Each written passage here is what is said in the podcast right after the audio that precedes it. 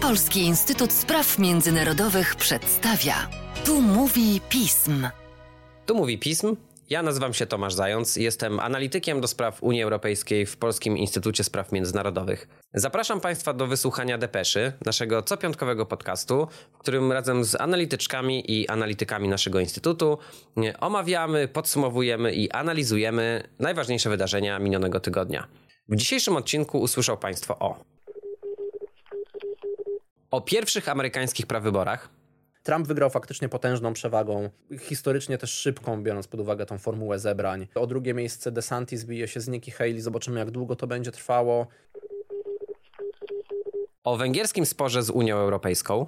Po prostu nie ma już pretekstu do, do kolejnych ustępstw na rzecz Węgier i wydaje mi się, że Węgry zdają sobie sprawę z tego, że dłuższe blokowanie tej decyzji o, o pakiecie pomocowym dla Ukrainy już byłoby dla nich szkodliwe, to znaczy narastałaby irytacja ze strony państw członkowskich. Oraz o niedawnych protestach w Tunezji. No ten sprzeciw jest niestety niezbyt duży i w ogóle chyba jest dosyć takie duże zjawisko apatii, jeżeli chodzi o, o politykę. W zeszłym roku odbyły się w Tunezji wybory parlamentarne i frekwencja na tych wyborach wynosiła 11%. Depesza pism. Na początku dzisiejszej depeszy porozmawiamy o pierwszym ogniwie łańcucha prawyborów, które będą miały miejsce w Stanach Zjednoczonych w tym roku. Tym pierwszym ogniwem jest stan Iowa, gdzie w ostatni poniedziałek miały miejsce pierwsze amerykańskie prawybory. A skoro będziemy rozmawiać o Stanach Zjednoczonych, to moim gościem jest oczywiście Mateusz Piotrowski, który tą tematyką zajmuje się w naszym instytucie. Cześć Mateusz. Cześć. Mateuszu, na samym początku chciałbym Cię prosić o zarysowanie szerszego kontekstu, ponieważ no, prawybory to jest taka instytucja życia demokratycznego, która myślę, że w Polsce nie jest jakoś e, szeroko znana czy rozpowszechniona. U nas wystarczy zdobyć 100 tysięcy podpisów, żeby móc kandydować na urząd prezydenta. Powiedz nam, czym są prawybory w życiu politycznym Stanów Zjednoczonych i jaką one funkcję tam pełnią? Spróbuję. Pierwsza rzecz, którą powiem na start, to jest taki filtr, przez który trzeba będzie przepuszczać wszystko, co będę mówił. Że to Stany, poszczególne Stany w Stanach Zjednoczonych organizują wybory i to się tyczy prawyborów i tych wyborów zasadniczych, więc one się bardzo od siebie różnią, jeżeli chodzi o wymogi formalne, które na przykład muszą spełnić kandydaci przy rejestracji na wybory, sami wyborcy, jeżeli chodzi o głosowanie przed wyborami, takie listowne w dniu wyborów jest masa szczegółów. Tutaj moglibyśmy dwie godziny albo i dłużej rozmawiać, żeby powymieniać różnice, więc będę mówił dość ogólnikowo. Na poziomie szczegółowym to się naprawdę, naprawdę różni między sobą. I to jest też piękne w tym całym procesie demokracji. Jeżeli chodzi o same prawybory, już odbijając się, nie idąc do tych wyborów zasadniczych listopadowych, jeżeli chodzi o większość przypadków, to nie władze stanowe są organizatorami prawyborów, tylko stanowy szczebel danej partii, partii republikańskiej, partii demokratycznej, to one odpowiadają za organizację tych prawyborów, oczywiście dla swojej partii. Więc możemy mieć też rozbieżności w danym stanie pomiędzy tym, jak wyglądają prawybory w partii demokratycznej, a w partii republikańskiej. W tym konkretnym stanie, czy to by była właśnie Iowa, New Hampshire, czy coś dalej skupiając się na tych prawyborach prezydenckich, bo o nich będziemy rozmawiać. Oczywiście są też prawybory na szczebel kongresowy do Izby Reprezentantów, do Senatu. Można wygryźć, kolokwialnie mówiąc, urzędującego polityka, będą oni mieli. Nie zawsze to się zdarza, ale pojawiają się kontrkandydaci, także jest taka, powiedziałbym, oddolna możliwość dotarcia do partii.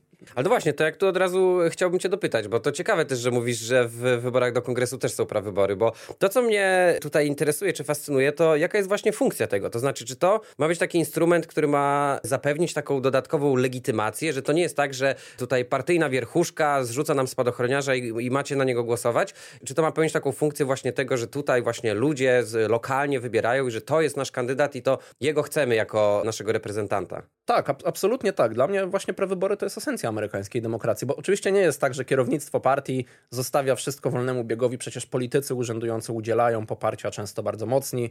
Donald Trump może na przykład nagle wkroczyć i udzielić komuś, kto nie jest w ogóle związany z partią republikańską, ale chce wygryźć, to się działo w poprzednich latach, jakiegoś republikanina, który no nie, nie idzie, że tak powiem, z nurtem Donalda Trumpa, uzyskuje poparcie i wygrywa potem takie prawybory, a następnie być może mandat. No tutaj trochę się zagalopowałem, bo akurat w ostatnim cyklu wyborczym było trochę odwrotnie, wygrywali prawybory W wyborach zasadniczych szło im trochę gorzej w konkurencji z demokratami, ale to jest taka możliwość faktycznie może pośrednia, ale jednak oddania obywatelom głosu do tego, żeby mieli wpływ na to, w jakim tym kierunku partia idzie, czy przynajmniej z jakich reprezentantów na poziomie federalnym się składa. W przypadku tych wyborów prezydenckich oczywiście to wygląda trochę inaczej, bo ten kandydat musi mieć rozpoznawalność na szczeblu 50 stanów, więc tylko kilka osób może z- zrobić w całym cyklu wyborczym, a ostatecznie zostaje jedna ale jeżeli chodzi o ten poziom danego okręgu wyborczego, no to tutaj możliwości są dużo większe. Dla mnie naprawdę esencja demokracji. Ale to, to jeszcze ostatnie pytanie, w, jeśli chodzi o te kwestie takie zamykające. Czyli dobrze rozumiem, że jakby nie ma takiej możliwości, żeby kandydat, który nie dostał poparcia w większości w tych 50 stanach,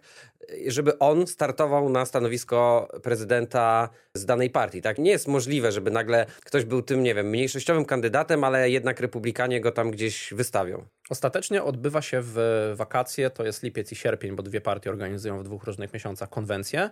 No właśnie oficjalna konwencja, na której przekazuje się tą nominację. Ci delegaci, to jest właściwie teraz wyskoczyłem, powinienem powiedzieć wcześniej, że te prawybory prezydenckie to jest proces właśnie stan po stanie gromadzenia delegatów z każdego stanu, zbierania ich liczby głosów, właśnie na partyjną konwencję, gdzie się zjadą i będą udzielać poparcia.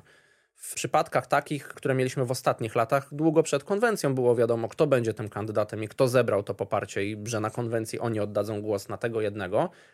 Ale teoretycznie, wyobraźmy sobie, teraz wchodzę w takie political fiction, że na przykład Donald Trump ma problemy prawne jednak. On wygrywa te prawybory formalnie, przechodząc ze stanu na stan, ale dochodzi do konwencji i na przykład jest on już skazany. I delegatury stanowe, te partyjne oczywiście, nie mówię o władzach stanu, zastanawiają się, co z tym fantem zrobić. By, mogą się pojawić delegaci, którzy zdecydują się oddać głos na kogoś innego. I mogą się wyłamać wtedy naprawdę? Mogą, mogą się wyłamać. To też zależy oczywiście od danego stanu i regulaminu poszczególnej partii. Mogą się wyłamać na przykład, ale mogą być później ukarani przez te władze partyjne w danym stanie w jakiś tam sposób, wykluczeniem, karą finansową. To wygląda bardzo, bardzo różnie.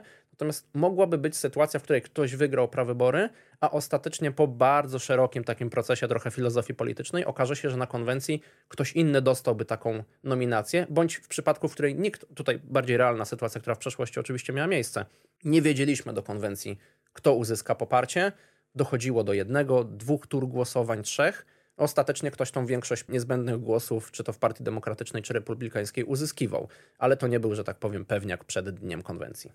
Okej, czyli żebym dobrze zrozumiał, w trakcie prawyborów wybiera się delegatów. Jak w trakcie wyborów prezydenckich Stany mają swoich elektorów, tak tutaj mam analogiczny proces, w którym w trakcie prawyborów Stany wybierają swoich delegatów i oni później ostatecznie głosują. I rozumiem, że jest jakoś wiążące dla nich, w zależności od stanu i tam tego regulaminu, jest wiążące ta decyzja. Natomiast może dojść do sytuacji, w której oni jednak z jakichś powodów zagłosują inaczej, tak? Tak, tak, dobrze to rozumiesz. Różnica między elektorami, o których wspomniałeś, wspomniałeś, to jest dobre porównanie. Elektorzy też mogą się wyłamywać. Jedna różnica taka zasadnicza między prawyborami a wyborami zasadniczymi. W wyborach zasadniczych obowiązuje zasada zwycięzca bierze wszystko, czyli zabiera wszystkie głosy elektorów z danego stanu. W prawyborach to jest dzielone, znowuż bardzo różnie, czasem proporcjonalnie, czasem w jakimś cudownym systemie procentowym. Różnie się to odbywa. No przykład Iowa, były różne wyniki procentowe, ale te głosy delegatów podzieliły się pomiędzy łącznie czwórkę kandydatów. Chciałbym teraz dopytać Cię o taki pewien folklor polityczny, bo wydaje mi się to interesujące, jaki jest związany z e, prawyborami w Stanach, bo wypisałem sobie kilka informacji, e, jakie na ten temat znalazłem i chciałbym Cię prosić o to, żebyś potwierdził ich autentyczność albo tutaj powiedział, że, że to jest nieprawda. Więc tak, amerykańskie prawybory mogą się odbyć w szkole, kościele, pubie, a nawet u kogoś w mieszkaniu.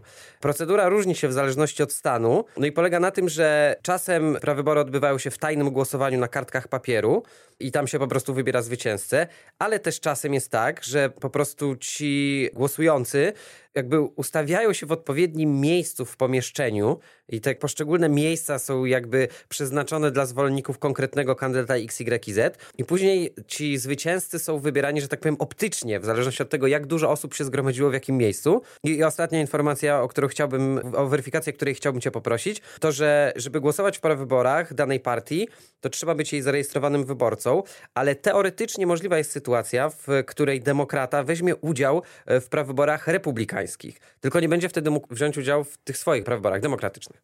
Tak, spróbuję się przebić przez to. Generalnie co do zasady faktycznie tak jest. Po pierwsze, żeby te różnice, o których wspomniałeś, Zbiorczo faktycznie mówimy o prawyborach, o procesie prawyborów, ale odnosząc się do konkretnego terminu prawybory, czyli te primaries, to jest właśnie to głosowanie zamknięte na karcie.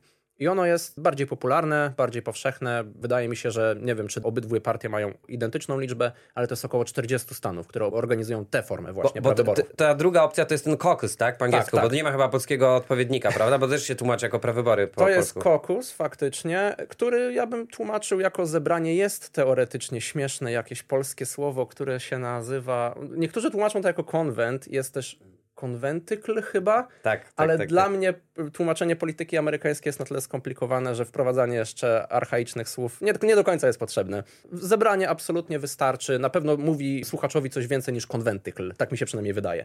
I to jest ta forma, która właśnie, jak wspomniałeś, może się odbyć w szkole, w pubie, w domu, gdzie ludzie gromadzą się w grupy. Tak jak to było właśnie w Iowa. To się działo w Iowa, ten kokus. Wygląda to bardzo specyficznie, faktycznie gromadzenie się w grupy. W partii republikańskiej w Iowa na przykład jest to odrobinę prostsze, bo po prostu gromadzą się w grupy. Po oczywiście dyskusji to jest bardzo fajna, oddolna forma. Oni najpierw dyskutują, przekonują się. Na, To jest na- autentyczne? To nie jest taki teatr polityczny trochę? Że tam nie, nie, nie. To, to, są, to są zwykli ludzie, zwykli mieszkańcy, którzy są przekonani, oni są zaangażowani. To teraz w Iowa, co prawda, były też duże mrozy, ale pojawiły się dosłownie kilkanaście procent wyborców republikańskich uprawnionych do głosowania w wyborach.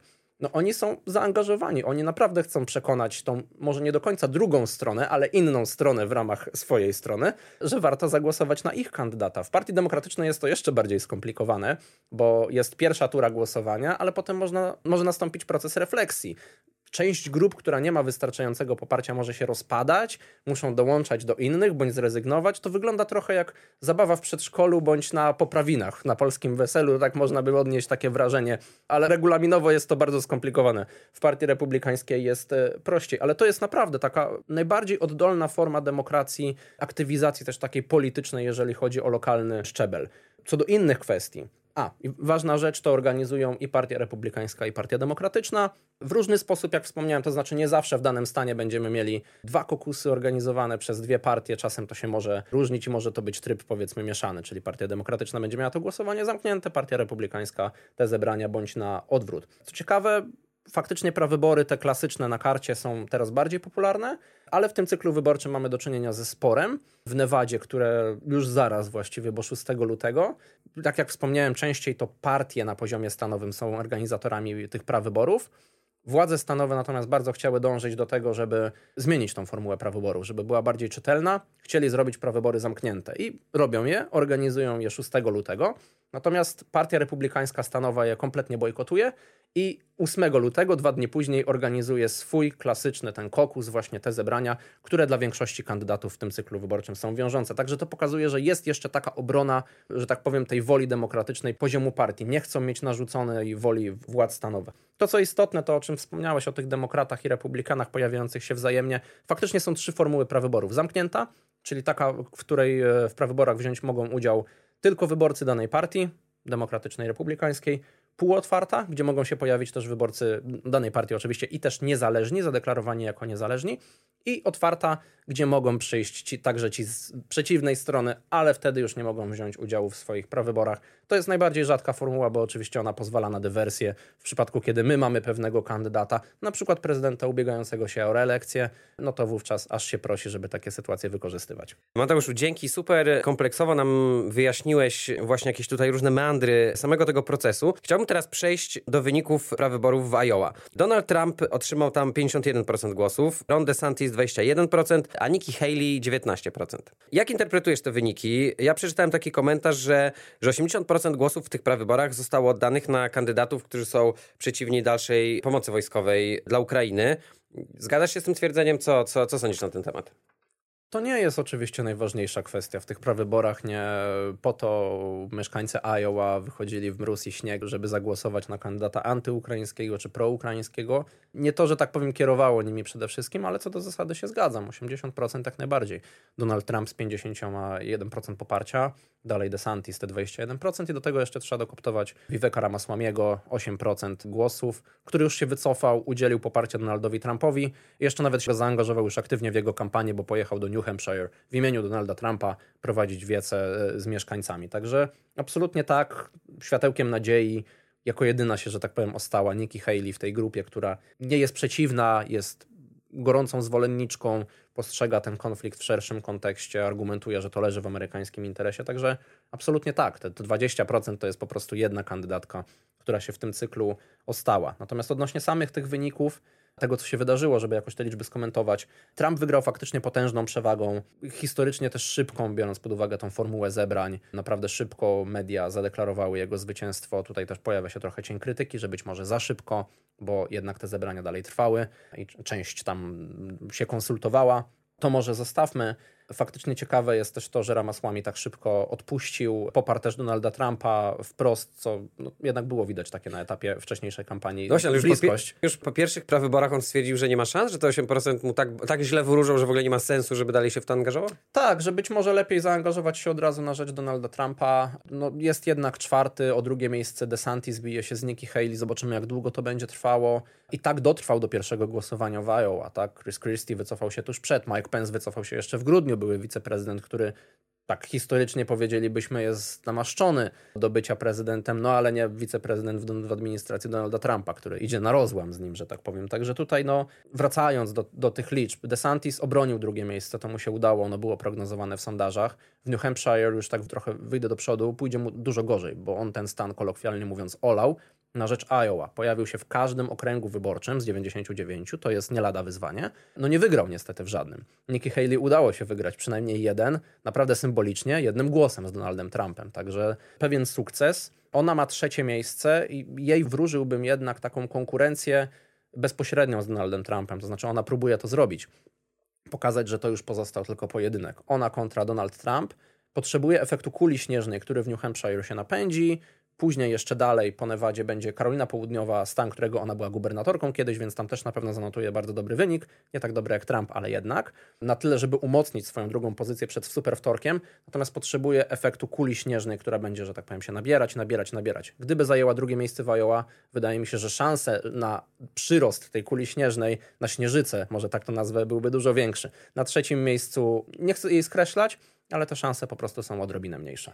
Wspomniałeś już e, New Hampshire, wspomniałeś Super Wtorek. Czy możesz nam na sam koniec powiedzieć, jak będzie wyglądał dalszy harmonogram tych prawyborów? Tak jest. Super wtorek, może zacznę od końca. Może to nie jest koniec prawyborów, ale kluczowy moment, w którym na pewno wrócimy z tematyką prawyborów, przynajmniej gorąco na to liczę. 5 marca to jest moment, w którym 15 stanów będzie głosować i jedno z terytoriów zależnych, także Samoa amerykańskie.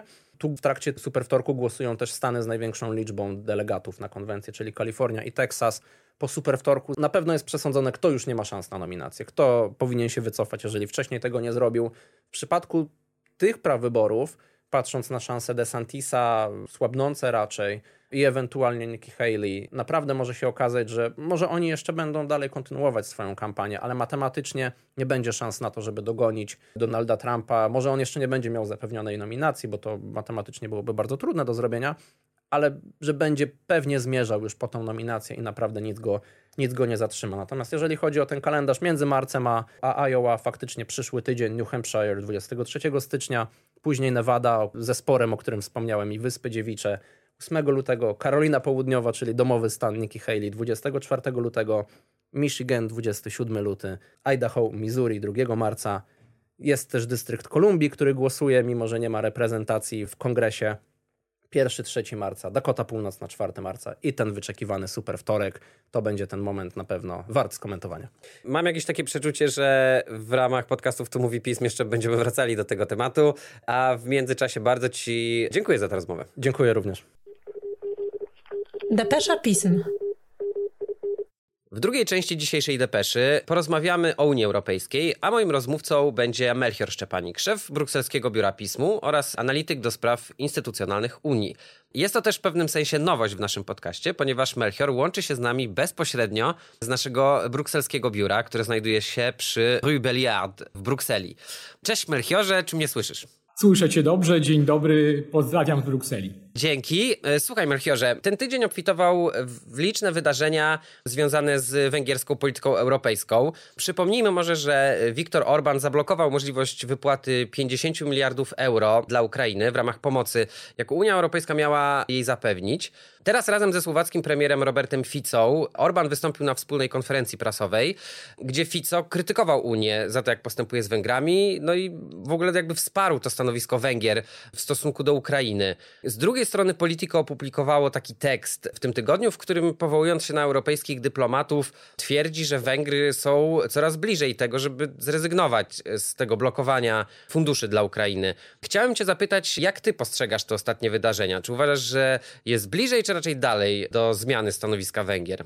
Węgry wysuwają pewne zastrzeżenia dotyczące tego pakietu pomocowego, zwracają uwagę na, na wysoki poziom korupcji na Ukrainie i na ograniczone możliwości Unii w zakresie weryfikacji tego, czy pomoc europejska jest wydawana właściwie, ale znakomita większość państw członkowskich i także analityków, obserwatorów uważa, że prawdziwy powód tego weta, czy prawdziwy powód blokowania przez Węgry pakietu pomocowego dla Ukrainy, to jest chęć wymuszenia na innych państwach członkowskich ustępstw w zakresie dostępu Węgier do funduszy unijnych. W tej chwili Węgry są pozbawione dostępu do Unijnego Funduszu Odbudowy a także w ramach tak zwanego mechanizmu warunkowości państwa członkowskie zablokowały 6 miliardów euro z funduszy z polityki spójności.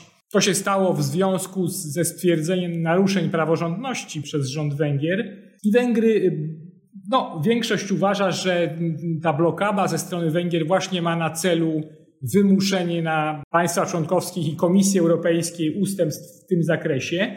No właśnie, Melchiorze, jeżeli mogę tylko właśnie, bo to y, super, że o tym wspomniałeś właśnie, bo myślę, że tutaj warto dać taki kontekst, że to wymuszenie, o którym mówisz, to nie jest oczywiście pierwszy raz, kiedy Węgry to jakby próbują taką taktykę tutaj zastosować, natomiast no ono się okazało skuteczne w grudniu poprzedniego roku, kiedy to właśnie w ramach odblokowania możliwości rozpoczęcia rozmów akcesyjnych z Ukrainą, Komisja Europejska zdecydowała o odblokowaniu 10 miliardów euro właśnie w ramach tych zablokowanych pieniędzy, o których przed chwilą wspomniałeś, co wydaje mi się, że spotkało się z, z, takim bardzo krytycznym przyjęciem. Czytałem w prasie takie komentarze, że to największa łapówka, jaką Unia Europejska kiedykolwiek zapłaciła i tak dalej. Więc czy, czy mógłbyś to skomentować? Czy ty właśnie też tak interpretujesz te wydarzenia i że Węgrom się to już raz udało, więc dlaczego nie, jakby miałyby nie spróbować ponownie? Komisja Europejska podkreśla, że ta decyzja grudniowa, która umożliwiła Węgrom dostęp do części pieniędzy, do 10 miliardów z Funduszy Spójności, jej przyczyną były zmiany, które rząd i parlament Węgier dokonały w,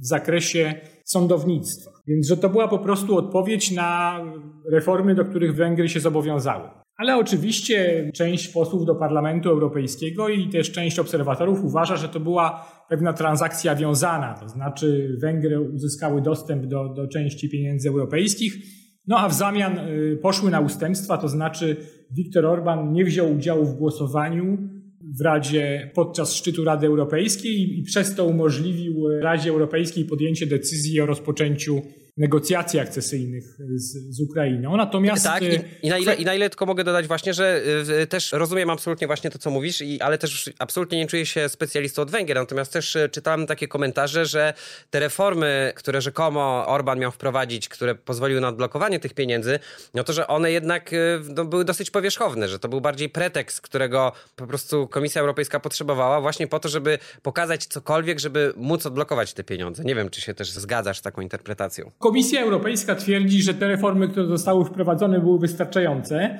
Natomiast powtórzenie takiej transakcji jest mało prawdopodobne, ponieważ w tej chwili Komisja Europejska i państwa członkowskie nie mają już za bardzo do czego się odwołać. To znaczy, nie ma żadnych kolejnych zmian czy reform, które rząd Orbana wprowadził. Po prostu nie ma już pretekstu do, do kolejnych ustępstw na rzecz Węgier, i wydaje mi się, że Węgry zdają sobie sprawę z tego, że dłuższe blokowanie tej decyzji o, o pakiecie pomocowym dla Ukrainy już byłoby dla nich szkodliwe, to znaczy narastałaby irytacja ze strony państw członkowskich, a także poszukiwanie jakichś form nacisku na Węgry. Więc wydaje mi się, że najbardziej prawdopodobny scenariusz jest taki, że Węgry jednak ustąpią i zgodzą się na przyjęcie pakietu pomocowego dla Ukrainy, który jest częścią takiej szerszej nowelizacji wieloletnich ram finansowych Unii Europejskiej. Prawdopodobnie państwa członkowskie poczynią jakieś symboliczne ustępstwa na rzecz Węgier, to znaczy jeśli Węgry czy inne państwo członkowskie miałoby wątpliwości co do sposobu wydawania pieniędzy na Ukrainie, no to mogłoby doprowadzić do debaty na forum Rady Europejskiej, ale nie byłoby mowy o tym, że państwo może zablokować ten pakiet, jeżeli zostanie przyjęty. To właśnie chciałem dopytać o to, jakiego rodzaju właśnie ustępstwa ze strony pozostałych państw członkowskich musiałyby nastąpić, ponieważ no ewidentnie nie może być tak, że po prostu Węgry nagle stwierdzą, że to się zgadzamy i że tutaj ze strony Komisji Europejskiej też musi nastąpić jakiś ruch. No i chciałem cię właśnie zapytać o to, jakie były propozycje Węgier, jak oceniasz ich realność, bo powiedziałeś o tym awaryjnym zwołaniu tej Rady Europejskiej, ewentualnie przedyskutowaniu tego, natomiast wydaje się to takie dosyć symboliczny środek, a Węgry w trakcie tych negocjacji też może warto powiedzieć, że te 50 milionów euro to są środki, które są zaplanowane na najbliższe 5 lat, prawda? I Węgry zgłaszały takie pomysły, że oni się zgodzą na to, żeby te pieniądze teraz odblokować, natomiast corocznie trzeba będzie wracać do tego i znowu jednomyślnie akceptować to, żeby kolejne transze tych pieniędzy rok rocznie były akceptowane, prawda? I to był, to był taki jeden, zdaje się, negocjacyjny, negocjacyjna pozycja Węgier, a inna była taka, że jak już zrezygnowali z tego, żeby to nie było rok rocznie, to żeby chociaż w, połowie tej pięciolatki, po dwóch i pół roku, żeby, e, żeby właśnie wrócić do tego tematu i znowu jednomyślnie zatwierdzić dalsze, dalsze odblokowanie tych pieniędzy. Czy ty, uważasz, że to powróci i że ewentualnie komisja się na to zgodzi, czy to raczej tego już nie ma na stole jako pozycji negocjacyjnej Węgier? Ponieważ w tej chwili Węgry zdają sobie sprawę, że jakieś kolejne ustępstwa w zakresie dostępu do funduszy europejskich są mało prawdopodobne, no to zależy im na tym, żeby te okoliczności, które dają im prawo weta kwestii pieniędzy dla Ukrainy przedłużyć. Czyli tak jak powiedziałeś, ten wieloletni fundusz miałby być przedmiotem debaty państw członkowskich i co roku państwa członkowskie miałyby zgadzać się na kolejną transzę pieniędzy. Wydaje mi się jednak, że zgoda pozostałych państw na taki system jest bardzo mało prawdopodobna, ponieważ one zdają sobie sprawę, że to byłoby po prostu odsunięcie problemu i no, pozwolenie Orbanowi na to, żeby co roku podobna debata mogła się odbywać, ten nacisk na pozostałe państwa członkowskie i Komisję Europejską mógł być e, wywierany. Więc ja sądzę raczej, że to będą ustępstwa, tak jak powiedziałem, raczej symboliczne, pozwalające państwom, które mają wątpliwości, doprowadzenie do debaty Rady Europejskiej, ale, ale nic więcej. Mam wrażenie, że jednak 1 lutego, kiedy odbędzie się szczyt Rady Europejskiej, dojdzie do kompromisu wokół budżetu. Oczywiście możliwa jest też taka sytuacja, że jednak Węgry zdecydują się utrzymać taki bardzo zdecydowany sprzeciw i zablokować pakiet pomocy dla Ukrainy. No i wtedy państwa członkowskie będą musiały szukać innych rozwiązań. Będą mogły stworzyć taki fundusz w gronie 26 państw to mogłoby wyglądać tak, że Komisja Europejska zostanie upoważniona przez te 26 państw, czyli wszystkie państwa członkowskie bez Węgier, do zaciągania pożyczek i potem pożyczania tych pieniędzy Ukrainie. Natomiast e, jeśli chodzi o pomoc bezzwrotną, to będą musiały udzielać jej już państwa członkowskie na zasadzie bilateralnej. To jest no, zdecydowanie gorsze rozwiązanie niż to, które proponuje obecnie Komisja Europejska, ponieważ po pierwsze, nie jest to rozwiązanie długoterminowe, tak jak ten pakiet komisji na 4 lata. Po drugie, trudno powiedzieć, czy w ramach pomocy bilateralnej państwa członkowskie będą w stanie zmobilizować tak wysokie środki, jak to przewidywał plan komisji, czyli 13 miliardów pomocy bezzwrotnej. No i wreszcie po trzecie, takie rozwiązanie byłoby też dość niekorzystne z punktu widzenia wizerunkowego, bo pokazywałoby, że Unia Europejska nie jest w stanie osiągnąć kompromisu no, w tak kluczowej kwestii jak pomoc dla Ukrainy. Tak, to ciekawe właśnie, że o tym wspomniałeś, dlatego że dokładnie o to chciałem dopytać i to interesujące, dlatego że ja miałem takie poczucie, może mylne, że takim właśnie argumentem, który wybrzmiewa najbardziej przeciwko temu alternatywnemu sposobowi zorganizowania tych pieniędzy, czyli dlaczego po prostu 26 krajów w ramach tej wzmocnionej współpracy nie mogłaby się zdecydować na właśnie stworzenie jakiegoś oddzielnego instrumentu, zebrania tych pieniędzy z rynku i, i po prostu już nie przejmować się tym wetem Orbana i, i te 50 miliardów euro Ukrainie dać w ramach tej 26. I jakby dla mnie taki argument, który się przebijał, to jest to, że właśnie, że to źle wygląda, że to działa jakby wbrew jedności Unii, że to pokazuje, że jesteśmy podzieleni, co wydaje mi się bardzo mało przekonujące, bo i tak wszyscy wiedzą, że Węgry, jeżeli chodzi o politykę ukraińską Unii Europejskiej, no odstają bardzo. Natomiast no bardzo ciekawy jest dla mnie ten argument, który podałeś, że uważasz, że, że mniejszą kwotę pieniędzy, tak, jeżeli dobrze rozumiem, te 26 państw byłoby w stanie zorganizować. Głównie dlatego, że te 50 miliardów euro mają być w ramach budżetu Unii, który już ze składek jest gdzieś tam przewidziany w budżetach wszystkich państw, a to byłyby, jak rozumiem, ekstra pieniądze, które trzeba było pożyczyć, które trzeba by było dopisać do budżetów i tak dalej. Tak? Dobrze interpretuję twój pogląd na to? Jak najbardziej masz rację. Jeśli państwa członkowskie zaakceptują propozycję Komisji Europejskiej, no to mamy bardzo konkretny, długoterminowy plan. Kilkanaście miliardów euro pomocy bezzwrotnej i kilkadziesiąt miliardów euro pożyczek, i to daje Ukrainie poczucie stabilności, poczucie y, takie, że ta pomoc unijna jest znacząca, stabilna i obliczona na kilka lat. Natomiast y, ten unijny plan B, no jednak jest wciąż jeszcze dość mglisty. Na pewno komisja mogłaby udzielić Ukrainie pożyczek, ale jak wysoka byłaby ta pomoc udzielona indywidualnie przez poszczególne państwa członkowskie, tego nie wiemy. Nie wiemy też, czy państwa byłyby w stanie udzielać jej też w kolejnych latach, więc taki plan oczywiście jest możliwy, ale to jest spory znak zapytania, więc wersją optymalną byłoby jednak przyjęcie propozycji Komisji Europejskiej w gronie 20-27 państw, zarówno jeśli chodzi o, o samą istotę tego planu, jak i, jak i wizerunek Unii Europejskiej to znaczy utrzymanie tego obrazu Unii, która nawet jeśli są jakieś różnice zdań między państwami członkowskimi, to jednak jest w stanie się porozumieć i utrzymuje Jasne. taką zdecydowaną pomoc mhm. dla, dla Ukrainy. Rozumiem, to na sam koniec chciałbym spojrzeć trochę szerzej na ten problem, ponieważ wydaje mi się, że no, prorosyjska, wprost trzeba to powiedzieć, polityka zagraniczna Węgier w ramach Unii, no to jest problem, który powraca non-stop od 2022, jak nie od 2014 roku.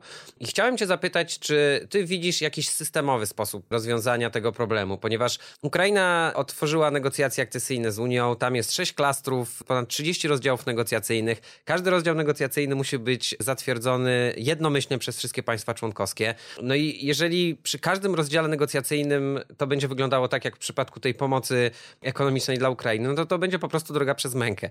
Pojawił się taki pomysł 120 posłów i posłanek do Parlamentu Europejskiego. Przygotowuje taką petycję, w której postulują pozbawienie praw po prostu tego weta Węgier.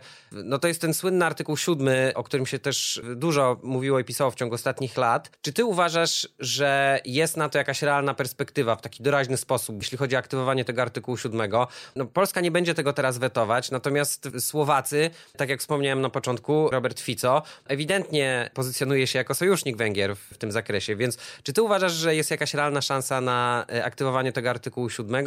A jeśli nie, to czy długofalowo jest jakaś szansa w ramach tej reformy Unii na to, żeby ten stan rzeczy zmienić? Teoretycznie istnieje możliwość wykorzystania artykułu 7, który umożliwia państwom członkowskim przyjęcie sankcji wobec jednego z państw członkowskich, które narusza wspólne wartości określone, określone w traktatach unijnych, ale w rzeczywistości realne możliwości wykorzystania artykułu 7 są bardzo ograniczone, ponieważ przyjęcie sankcji wobec Węgier, między innymi pozbawienie Węgier prawa do głosowania w Radzie, no, wymagałoby zgody wszystkich pozostałych państw członkowskich, na co w tej chwili nie ma, nie ma realnych szans. Takie państwa jak Słowacja czy Włochy nie poprą daleko idących sankcji wobec Węgier i raczej nie zmienią zdania, nawet jeśli Węgry zablokują 1 lutego pakiet pomocowy wobec Ukrainy.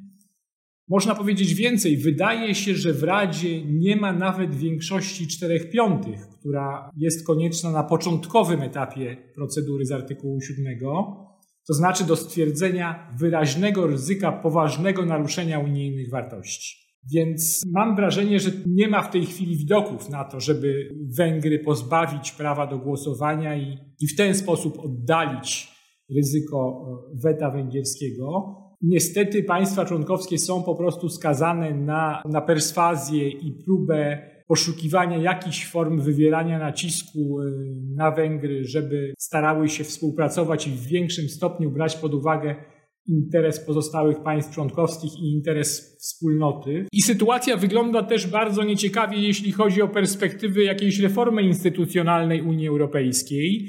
Przede wszystkim odejście od jednomyślności w tych kwestiach, gdzie ona jeszcze obowiązuje. Do wszelkich reform potrzeba zgody wszystkich państw członkowskich. Jest mało prawdopodobne, by Węgry, a także kilka innych państw w tej chwili na jakieś daleko idące reformy instytucjonalne się zgodziły. Rozumiem. E, bardzo Ci, Melchiorze, dziękuję za tę rozmowę. Dziękuję bardzo. Depesza pism. Na koniec dzisiejszej depeszy będziemy rozmawiać o tym, co dzieje się w Tunezji, a skoro rozmowa będzie dotyczyć państw arabskich, to moją gościnią jest Sara Nowacka, nasza ekspertka do spraw państw arabskich oraz współprowadząca podcasty Tu Mówi Pism. Cześć Saro. Cześć Tomku, dzień dobry. W tym roku ma miejsce 13. rocznica arabskiej wiosny, a w Tunezji od niedzieli mają miejsce protesty. Z tego co wyczytałem, nie są bardzo liczne, kilkaset osób. I te protesty są przeciwko sposobowi, w jaki władzę sprawuje Kais Sayed. Chciałem Cię zapytać o to, czy możesz nam powiedzieć, jaki jest kontekst tych protestów, jaka jest ich skala i o co w nich chodzi? No, sytuacja w Tunezji często się przyjęło mówić, że Tunezja jakby była jedyną jakby historią sukcesu po arabskiej wiośnie, bo rzeczywiście no, możemy przejmować, że tą datą 13 rocznicy początku arabskiej wiosny był albo 17 grudnia ubiegłego roku, czyli dzień, kiedy samospalenia dokonał e, Bouazizi, taki sprzedawca uliczny, który po prostu już miał tak dość nagabywania, korupcji i tego, że musiał się mierzyć właśnie ze skorumpowanymi służbami bezpieczeństwa, że w końcu dokonał samospalenia, co jakby doprowadziło do całych masowych protestów i tak dalej. No i finałem tego było oczywiście rezygnacja ówczesnego prezydenta Benalego i rzeczywiście to zapoczątkowało taki proces demokratyzacji, który, no tak jak na przykład też podobne zjawisko miało miejsce w Egipcie, ale ono bardzo szybko spotkało się z tym, że armia i taka właśnie dawna wierchuszka, która się wywodziła z wojska, po prostu jakby dokonała puczu i w zasadzie przewróciła ten dawny reżim, a może nawet trochę gorszy niż, niż ten sprzed arabskiej wiosny. Natomiast w Tunezji w zasadzie do 2000 powiedzmy no 21 roku rzeczywiście ten proces demokratyzacji, w sensie tworzenia instytucji demokratycznych, postępował. No właśnie, jeżeli, jeżeli mogę Cię e, dopytać o to, może ja też tutaj jestem dobrym przykładem jako laik, który się tym nie interesuje i nie śledzę tego jakoś bardzo, to właśnie zawsze mi się to tak, na ile o tym czytałem, wydawało, że ta sytuacja się prezentuje właśnie w taki sposób, że ta arabska wiosna się wydarzyła, że to był ważny jakiś tam moment formacyjny i, i, i w ogóle sygnał, natomiast, że konsekwencje takie ostateczne tej arabskiej wiosny dla większości tych krajów były takie, że albo właśnie wrócono do status quo, albo nawet, że jest jeszcze gorzej. I ta Tunezja właśnie pamiętam, że tak jak wspomniałeś, właśnie zawsze była taką success story, że zobaczcie, że to jest ten kraj, któremu nie jest idealnie, ale coś tam się jednak udało, tam były wybory demokratyczne, zdaje się, w wyniku których został wybrany prezydent.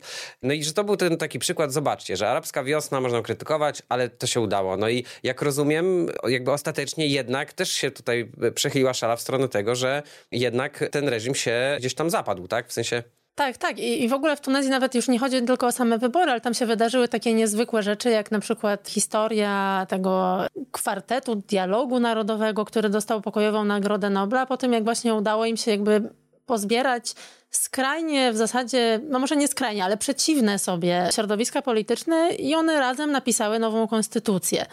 Więc jakby dużo tam było dobrych rzeczy. No ale to, co było niedobre i jakby to było niedobre cały czas, to była gospodarka. W tym sensie, że po pierwsze, zaraz po arabskiej wiośnie pogorszyła się też sytuacja bezpieczeństwa w Tunezji i to na przykład wpłynęło bardzo na zniechęcenie turystów do przyjazdu, co było dosyć istotnym źródłem dochodu. Oprócz tego, no, to był dosyć mocno i tak zapożyczony kraj i zapożyczył się jeszcze bardziej. W związku z czym, no, jakby oczywiście tutaj były nałożone jakieś restrykcje ze strony Międzynarodowego Funduszu Walutowego, które generalnie w świecie arabskim są postrzegane raczej negatywnie, tak? Czyli na przykład ograniczanie subsydiów i w ogóle jakby takie ograniczenie roli państwa, na przykład w zapewnianiu miejsc pracy. No ale z kolei z drugiej strony brakowało alternatywy dla tych ludzi, którzy właśnie w sektorze państwowym byli zatrudnieni. Korupcja no, też się nie zmniejszyła niestety i wciąż jakby brakowało w ogóle narzędzi, które jakkolwiek by z tym walczyły.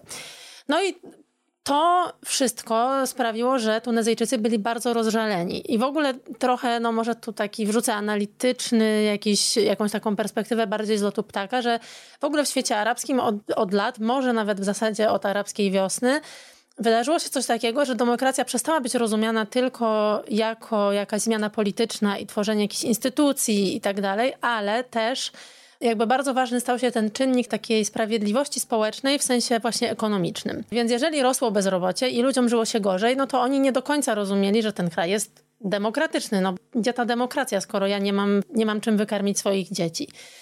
No i na fali takiej trochę takiego rozżalenia w 2019 roku wybory prezydenckie wygrał właśnie Kais Said. Taki człowiek trochę znikąd, który zgromadził rzeczywiście dosyć duże poparcie społeczne.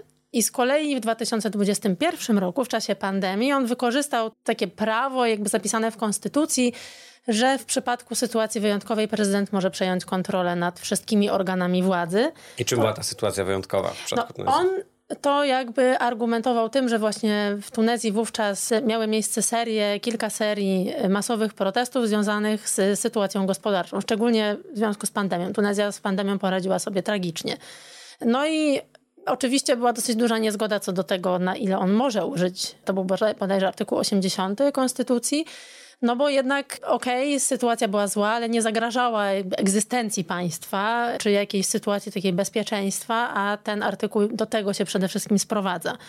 No niemniej Said nadal miał wówczas dosyć dużo e, popleczników, tak? No bo ludzie cały czas y, widzieli, że ta sytuacja gospodarcza jest y, zła i trochę jakby odezwał się taki sentyment wobec starego systemu, kiedy był jakiś jeden silny lider i on był w stanie to wszystko jakoś tak organizować i trzymać i to wydawało się, że funkcjonuje jakoś lepiej. No tylko, że po pierwsze, no minęły ponad dwa lata na ten moment. I ten stan, jak rozumiem, nie został odwołany, tak? Ten, to znaczy, on został odwołany, bo Said zmienił konstytucję, co pozwoliło mu skonsolidować władzę jeszcze bardziej. Więc teraz ma w zasadzie kompletną kontrolę nad tym, co się dzieje nie, w parlamencie. Nie potrzebuje tego, tego artykułu wcześniejszego, tak, tak żeby... Tak, tak, mhm. dokładnie, więc to już mu nie było do niczego potrzebne. Natomiast na pewno nie zmieniła się sytuacja gospodarcza. Tak, minęły te dwa lata, no i on właśnie obiecał, że tutaj będzie jakiś większy porządek, no a dalej jest bardzo źle. To znaczy jest źle do tego stopnia, że nie wiem, brakuje mąki na chleb i nie wiem, zamykają się piekarnie tunezyjskie i no, sytuacja jest cały czas y, bardzo zła. Mnóstwo ludzi próbuje z Tunezji wyemigrować. Mówi się, że jest Tunezja w zasadzie na skraju takiej zapaści ekonomicznej w tym sensie, że ma ogromny dług którego nie jest w stanie w ogóle spłacić. No i to, co jakby dodaje temu wszystkiemu trochę może takiej hmm, no, pikanterii, powiedzmy, jest to, że Said jest w ogóle też takim politykiem bardzo nieprzewidywalnym. W tym sensie, że on w ogóle w swojej retoryce i tym, jak mówi do ludzi, niejednokrotnie nawiązuje do jakichś teorii spiskowych, do strasznego rasizmu na przykład. Zwrócił się przeciwko ciemnoskórym migrantom, którzy przybywają do Tunezji z Afryki subsaharyjskiej i stwierdził, że ta ich obecność w, takiej, w takich dużych liczbach to jest w ogóle wynik działań sił zewnętrznych, które chcą zmienić układ demograficzny w Tunezji i doprowadzić do tego, żeby w Tunezji były powszechne jakieś nieakceptowalne praktyki i tak dalej. To jest, ta chyba słynna teoria tego wielkiego zastąpienia. To też skrajna prawica w Europie ten temat bardzo eksploatuje. To jest taka znana właśnie teoria spiskowa, że tutaj demograficznie, że to jest jakiś masterplan tego właśnie, żeby tak. nas podbić demograficznie. To ciekawe, że, że właśnie przywódca państwa arabskiego też się posługuje czymś, co przypomina taką teorię. Dokładnie. No i też y, w tym duchu, może co ciekawe, kiedy Unia Europejska podpisała w ubiegłym roku takie porozumienie z Tunezją właśnie dotyczące kontroli migracji, na mocy którego, czy w ramach którego miała też Tunezji przekazać e, dosyć sporą pomoc finansową, no to e, na takim pięknym zdjęciu jest właśnie Kai Said z Ursulą von der Leyen, ale oprócz tego jest właśnie Giorgia Meloni i premier e, Holandii, również dosyć prawicowy, więc rzeczywiście te narracje gdzieś tam mają swój punkt wspólny. Ale to fajnie, że wspomniałaś o tym temacie migracji, bo o to też chciałem cię dopytać. Też jako osoba, która zajmuje się Unią Europejską, byłem ciekawy, jaka jest twoja perspektywa perspektywa na tego rodzaju umowy. No bo Tunezja nie jest jedynym krajem, z którym Unia Europejska podpisała takie porozumienie. No i to jest taki ciekawy kazus dla mnie sytuacji, w której Unia Europejska, można by było w złośliwy sposób powiedzieć, outsourcuje swoje wyrzuty sumienia do innych państw, ponieważ mhm. ona płaci innym państwom po to, żeby oni tych migrantów jakby zatrzymywali u siebie, żeby nie pozwalali im wędrować dalej. Natomiast no, jest to super kontrowersyjne i organizacje broniące praw człowieka wielokrotnie alarmowały, tak, że sposób, w jaki te państwa dbają o to, żeby ci migranci się nie dostali dalej. Były jakieś materiały dziennikarskie BBC, pamiętam o tych no, niemalże targach niewolników, tak, że są mhm. wyłapywani ci migranci i przytrzymywani w więzieniach bez wyroku i tak dalej, i tak dalej. Więc ciekawe dla mnie było to, że powiedziałaś o, o tym, że ta ekonomia jest takim super ważnym czynnikiem, który jednak decyduje o, o, o tym poparciu dla, dla władzy czy e, na, do tych nastrojów politycznych. I teraz, jak rozumiem, to jest też powód, dla którego na przykład kraje takie jak Tunezja się zgadzają na tego rodzaju umowy, żeby te pieniądze, bo jak rozumiem, to są jakieś konkretne kwoty, żeby się na to zgadzać. Więc jestem ciekawy, jak postrzegane to jest właśnie z perspektywy państw arabskich. To, że właśnie Unia Europejska płaci na przykład Tunezji za to, żeby oni tych migrantów zatrzymywali tam. Jak to rezonuje, że tak powiem, w społeczeństwie i we władzy tego kraju? No rezonuje tak, że w zasadzie dosyć się upowszechnił taki bardzo antyunijny nastrój w Tunezji, co jest nowym zjawiskiem, bo do tej pory było tak, że no jednak Unia Europejska była postrzegana no albo neutralnie, albo jakoś tam relatywnie pozytywnie, szczególnie, że per capita Tunezja przez ostatnie lata była na Bliskim Wschodzie w Afryce Północnej na pewno największym beneficjentem wsparcia od Unii Europejskiej. Oczywiście motywacje Unii są tu różne, no bo z jednej strony są związane z kontrolą migracji, ale są też związane z tym, że Unia no, obawia się takiego absolutnego upadku państwa tunezyjskiego i tego, że wówczas ta presja migracyjna będzie jeszcze większa. No i to, jak ty powiedziałeś, takie outsourcowanie, ta eksternalizacja tak, tej kontroli migracji, no to jest już dosyć powszechne zjawisko. No i Said znowu wykorzystuje to do tworzenia jakiegoś takiego właśnie antyeuropejskiego nastroju, właśnie, który mi się kojarzy znowu z jakimś takim rozpowszechnianiem teorii spiskowych, tak? No bo on mówi, że że Unia chce teraz naruszać suwerenność Tunezji, chociaż sam podpisał przecież to porozumienie, tak? Nakładając jakieś obowiązki co do kontroli granic i tego, jakie łodzie tam wypływają albo nie wypływają z Tunezji. Z kolei no, ze strony Unii Europejskiej słyszymy takie argumenty dotyczące tego aspektu prawno-człowieczego że to nie jest tak, że ta kwota to jest wypłacona jakoś tam in blanco, tak? Bo to chyba bodajże 150 milionów euro zostało rzeczywiście tak wypłacone jako wsparcie dla budżetu Tunezji, ale tam są kolejne kwoty, które już są uzależnione od różnych rzeczy. No ale właśnie analizując to porozumienie, faktycznie brakuje w tym aspekcie, który dotyczy, czy w tej części, która dotyczy kontroli i przyjmowania z powrotem migrantów, których Unia nie będzie chciała na swoim terytorium, no nie ma jakby za bardzo takich różnych zasad, co do których Tunezja musiałaby się jakoś szczególnie stosować. Więc no to też jest problem, bo po tej wypowiedzi o ciemnoskórych migrantach rzeczywiście doszło na przykład do takiego wydarzenia, że tunezyjskie służby bezpieczeństwa przetransportowały bodajże kilkadziesiąt albo nawet może i kilkaset osób pod granicę z Libią, gdzie no część tych czarnoskórych osób rzeczywiście zginęła, tak? No bo z powodu upału i tego, że nie mieli oczywiście dostępu do jakichś podstawowych, nie wiem, żywności, picia i tak dalej. No już abstrahując od tego, że Libia jest przecież krajem szczególnie niebezpiecznym, tak? Więc, więc samo transportowanie tam kogokolwiek już y, jest mocno kontrowersyjne, mówiąc delikatnie. No i faktycznie no jakoś te nastroje cały czas się, no powiedziałabym, że upowszechniają w Tunezji, że rzeczywiście tutaj jakieś zachodnie siły próbują coś na Tunezji wymuszać i jest to jakiś gdzieś tam sterowany z zewnątrz wielki plan z tym związany. No, pewnie ciekawie byłoby się tutaj na przykład przyjrzeć, czy to się nie wiąże też z próbami innych aktorów, żeby jakąś narrację antyzachodnią w ogóle rozpowszechniać i akurat Tunezja została uznana za całkiem podatny grunt w tej chwili. To na koniec chciałbym cię zapytać, zrobić taką kodę i wrócić do tych protestów. Jak mogłabyś y, tak krótko powiedzieć, bo no, zaczęliśmy od tych protestów, które nie są zbyt liczne. Czy Kais Sayed ma jakąś realną alternatywę w tej elicie politycznej to raz, a dwa, czy rzeczywiście istnieje jakiś y, realny sprzeciw w społeczeństwie tunezyjskim przeciwko y, jego rządom? No ten sprzeciw jest niestety niezbyt duży i w ogóle chyba jest dosyć takie duże zjawisko apatii, jeżeli chodzi o, o politykę. W zeszłym roku odbyły się w Tunezji wybory parlamentarne i frekwencja na tych wyborach wynosiła 11%. Więc no to jest skrajnie mało i to jakby nigdy nie było tak mało. Oczywiście partie opozycyjne, żeby było jasne, bojkotowały te wybory, więc to na pewno wpłynęło, ale nawet gdyby nie to, no to na przykład to referendum dotyczące stworzenia nowej konstytucji to też było bodajże około 30% frekwencji. Także no naprawdę Tunezyjczycy na ten moment nie do końca w ogóle chyba wierzą, że takimi metodami właśnie demokratycznymi będą w stanie coś zrobić. Fakt faktem, ta opozycja przeciwko Saidowi jest bardzo szeroka, bo i te partie, które wywodzą się z poprzednio rządzących sił, czyli na przykład partia islamistyczna Annahda, ale też partie, które były jej zupełnie przeciwne, jakieś powiązane z dawną władzą Benalego, też się sprzeciwiają teraz Kaisowi Saidowi, więc y, więc jakby po stronie politycznej jest dosyć zgodny sprzeciw, ale społeczeństwo ma tutaj trochę, mam wrażenie, dosyć duży dylemat, bo nie ufa politykom, nie ufa w ogóle klasie politycznej. Said przyszedł znikąd, więc... Czy samemu temu procesowi w ogóle nie ufa, tak? Rozumiem, że to jest największy problem. Tak, że tak, to jest ogromny widzę. problem. A on jako człowiek właśnie taki znikąd, niepowiązany z żadną partią polityczną, cały czas jest jednak postrzegany jako no być może najmniej skorumpowany aktor polityczny, choć oczywiście no to też budzi dosyć dużo wątpliwości. No niemniej rzeczywiście w społeczeństwie tunezyjskim chyba po prostu jest przede wszystkim taki problem, że oni nie widzą alternatywy na ten moment dla jego władzy. Saro, bardzo Ci dziękuję za tę rozmowę. Dziękuję. Depesza Pism. Tą rozmową kończymy dzisiejszą depeszę. E, dziękuję Państwu za wysłuchanie naszego podcastu. Zachęcam do polubienia nas w mediach społecznościowych oraz do subskrybowania tego podcastu.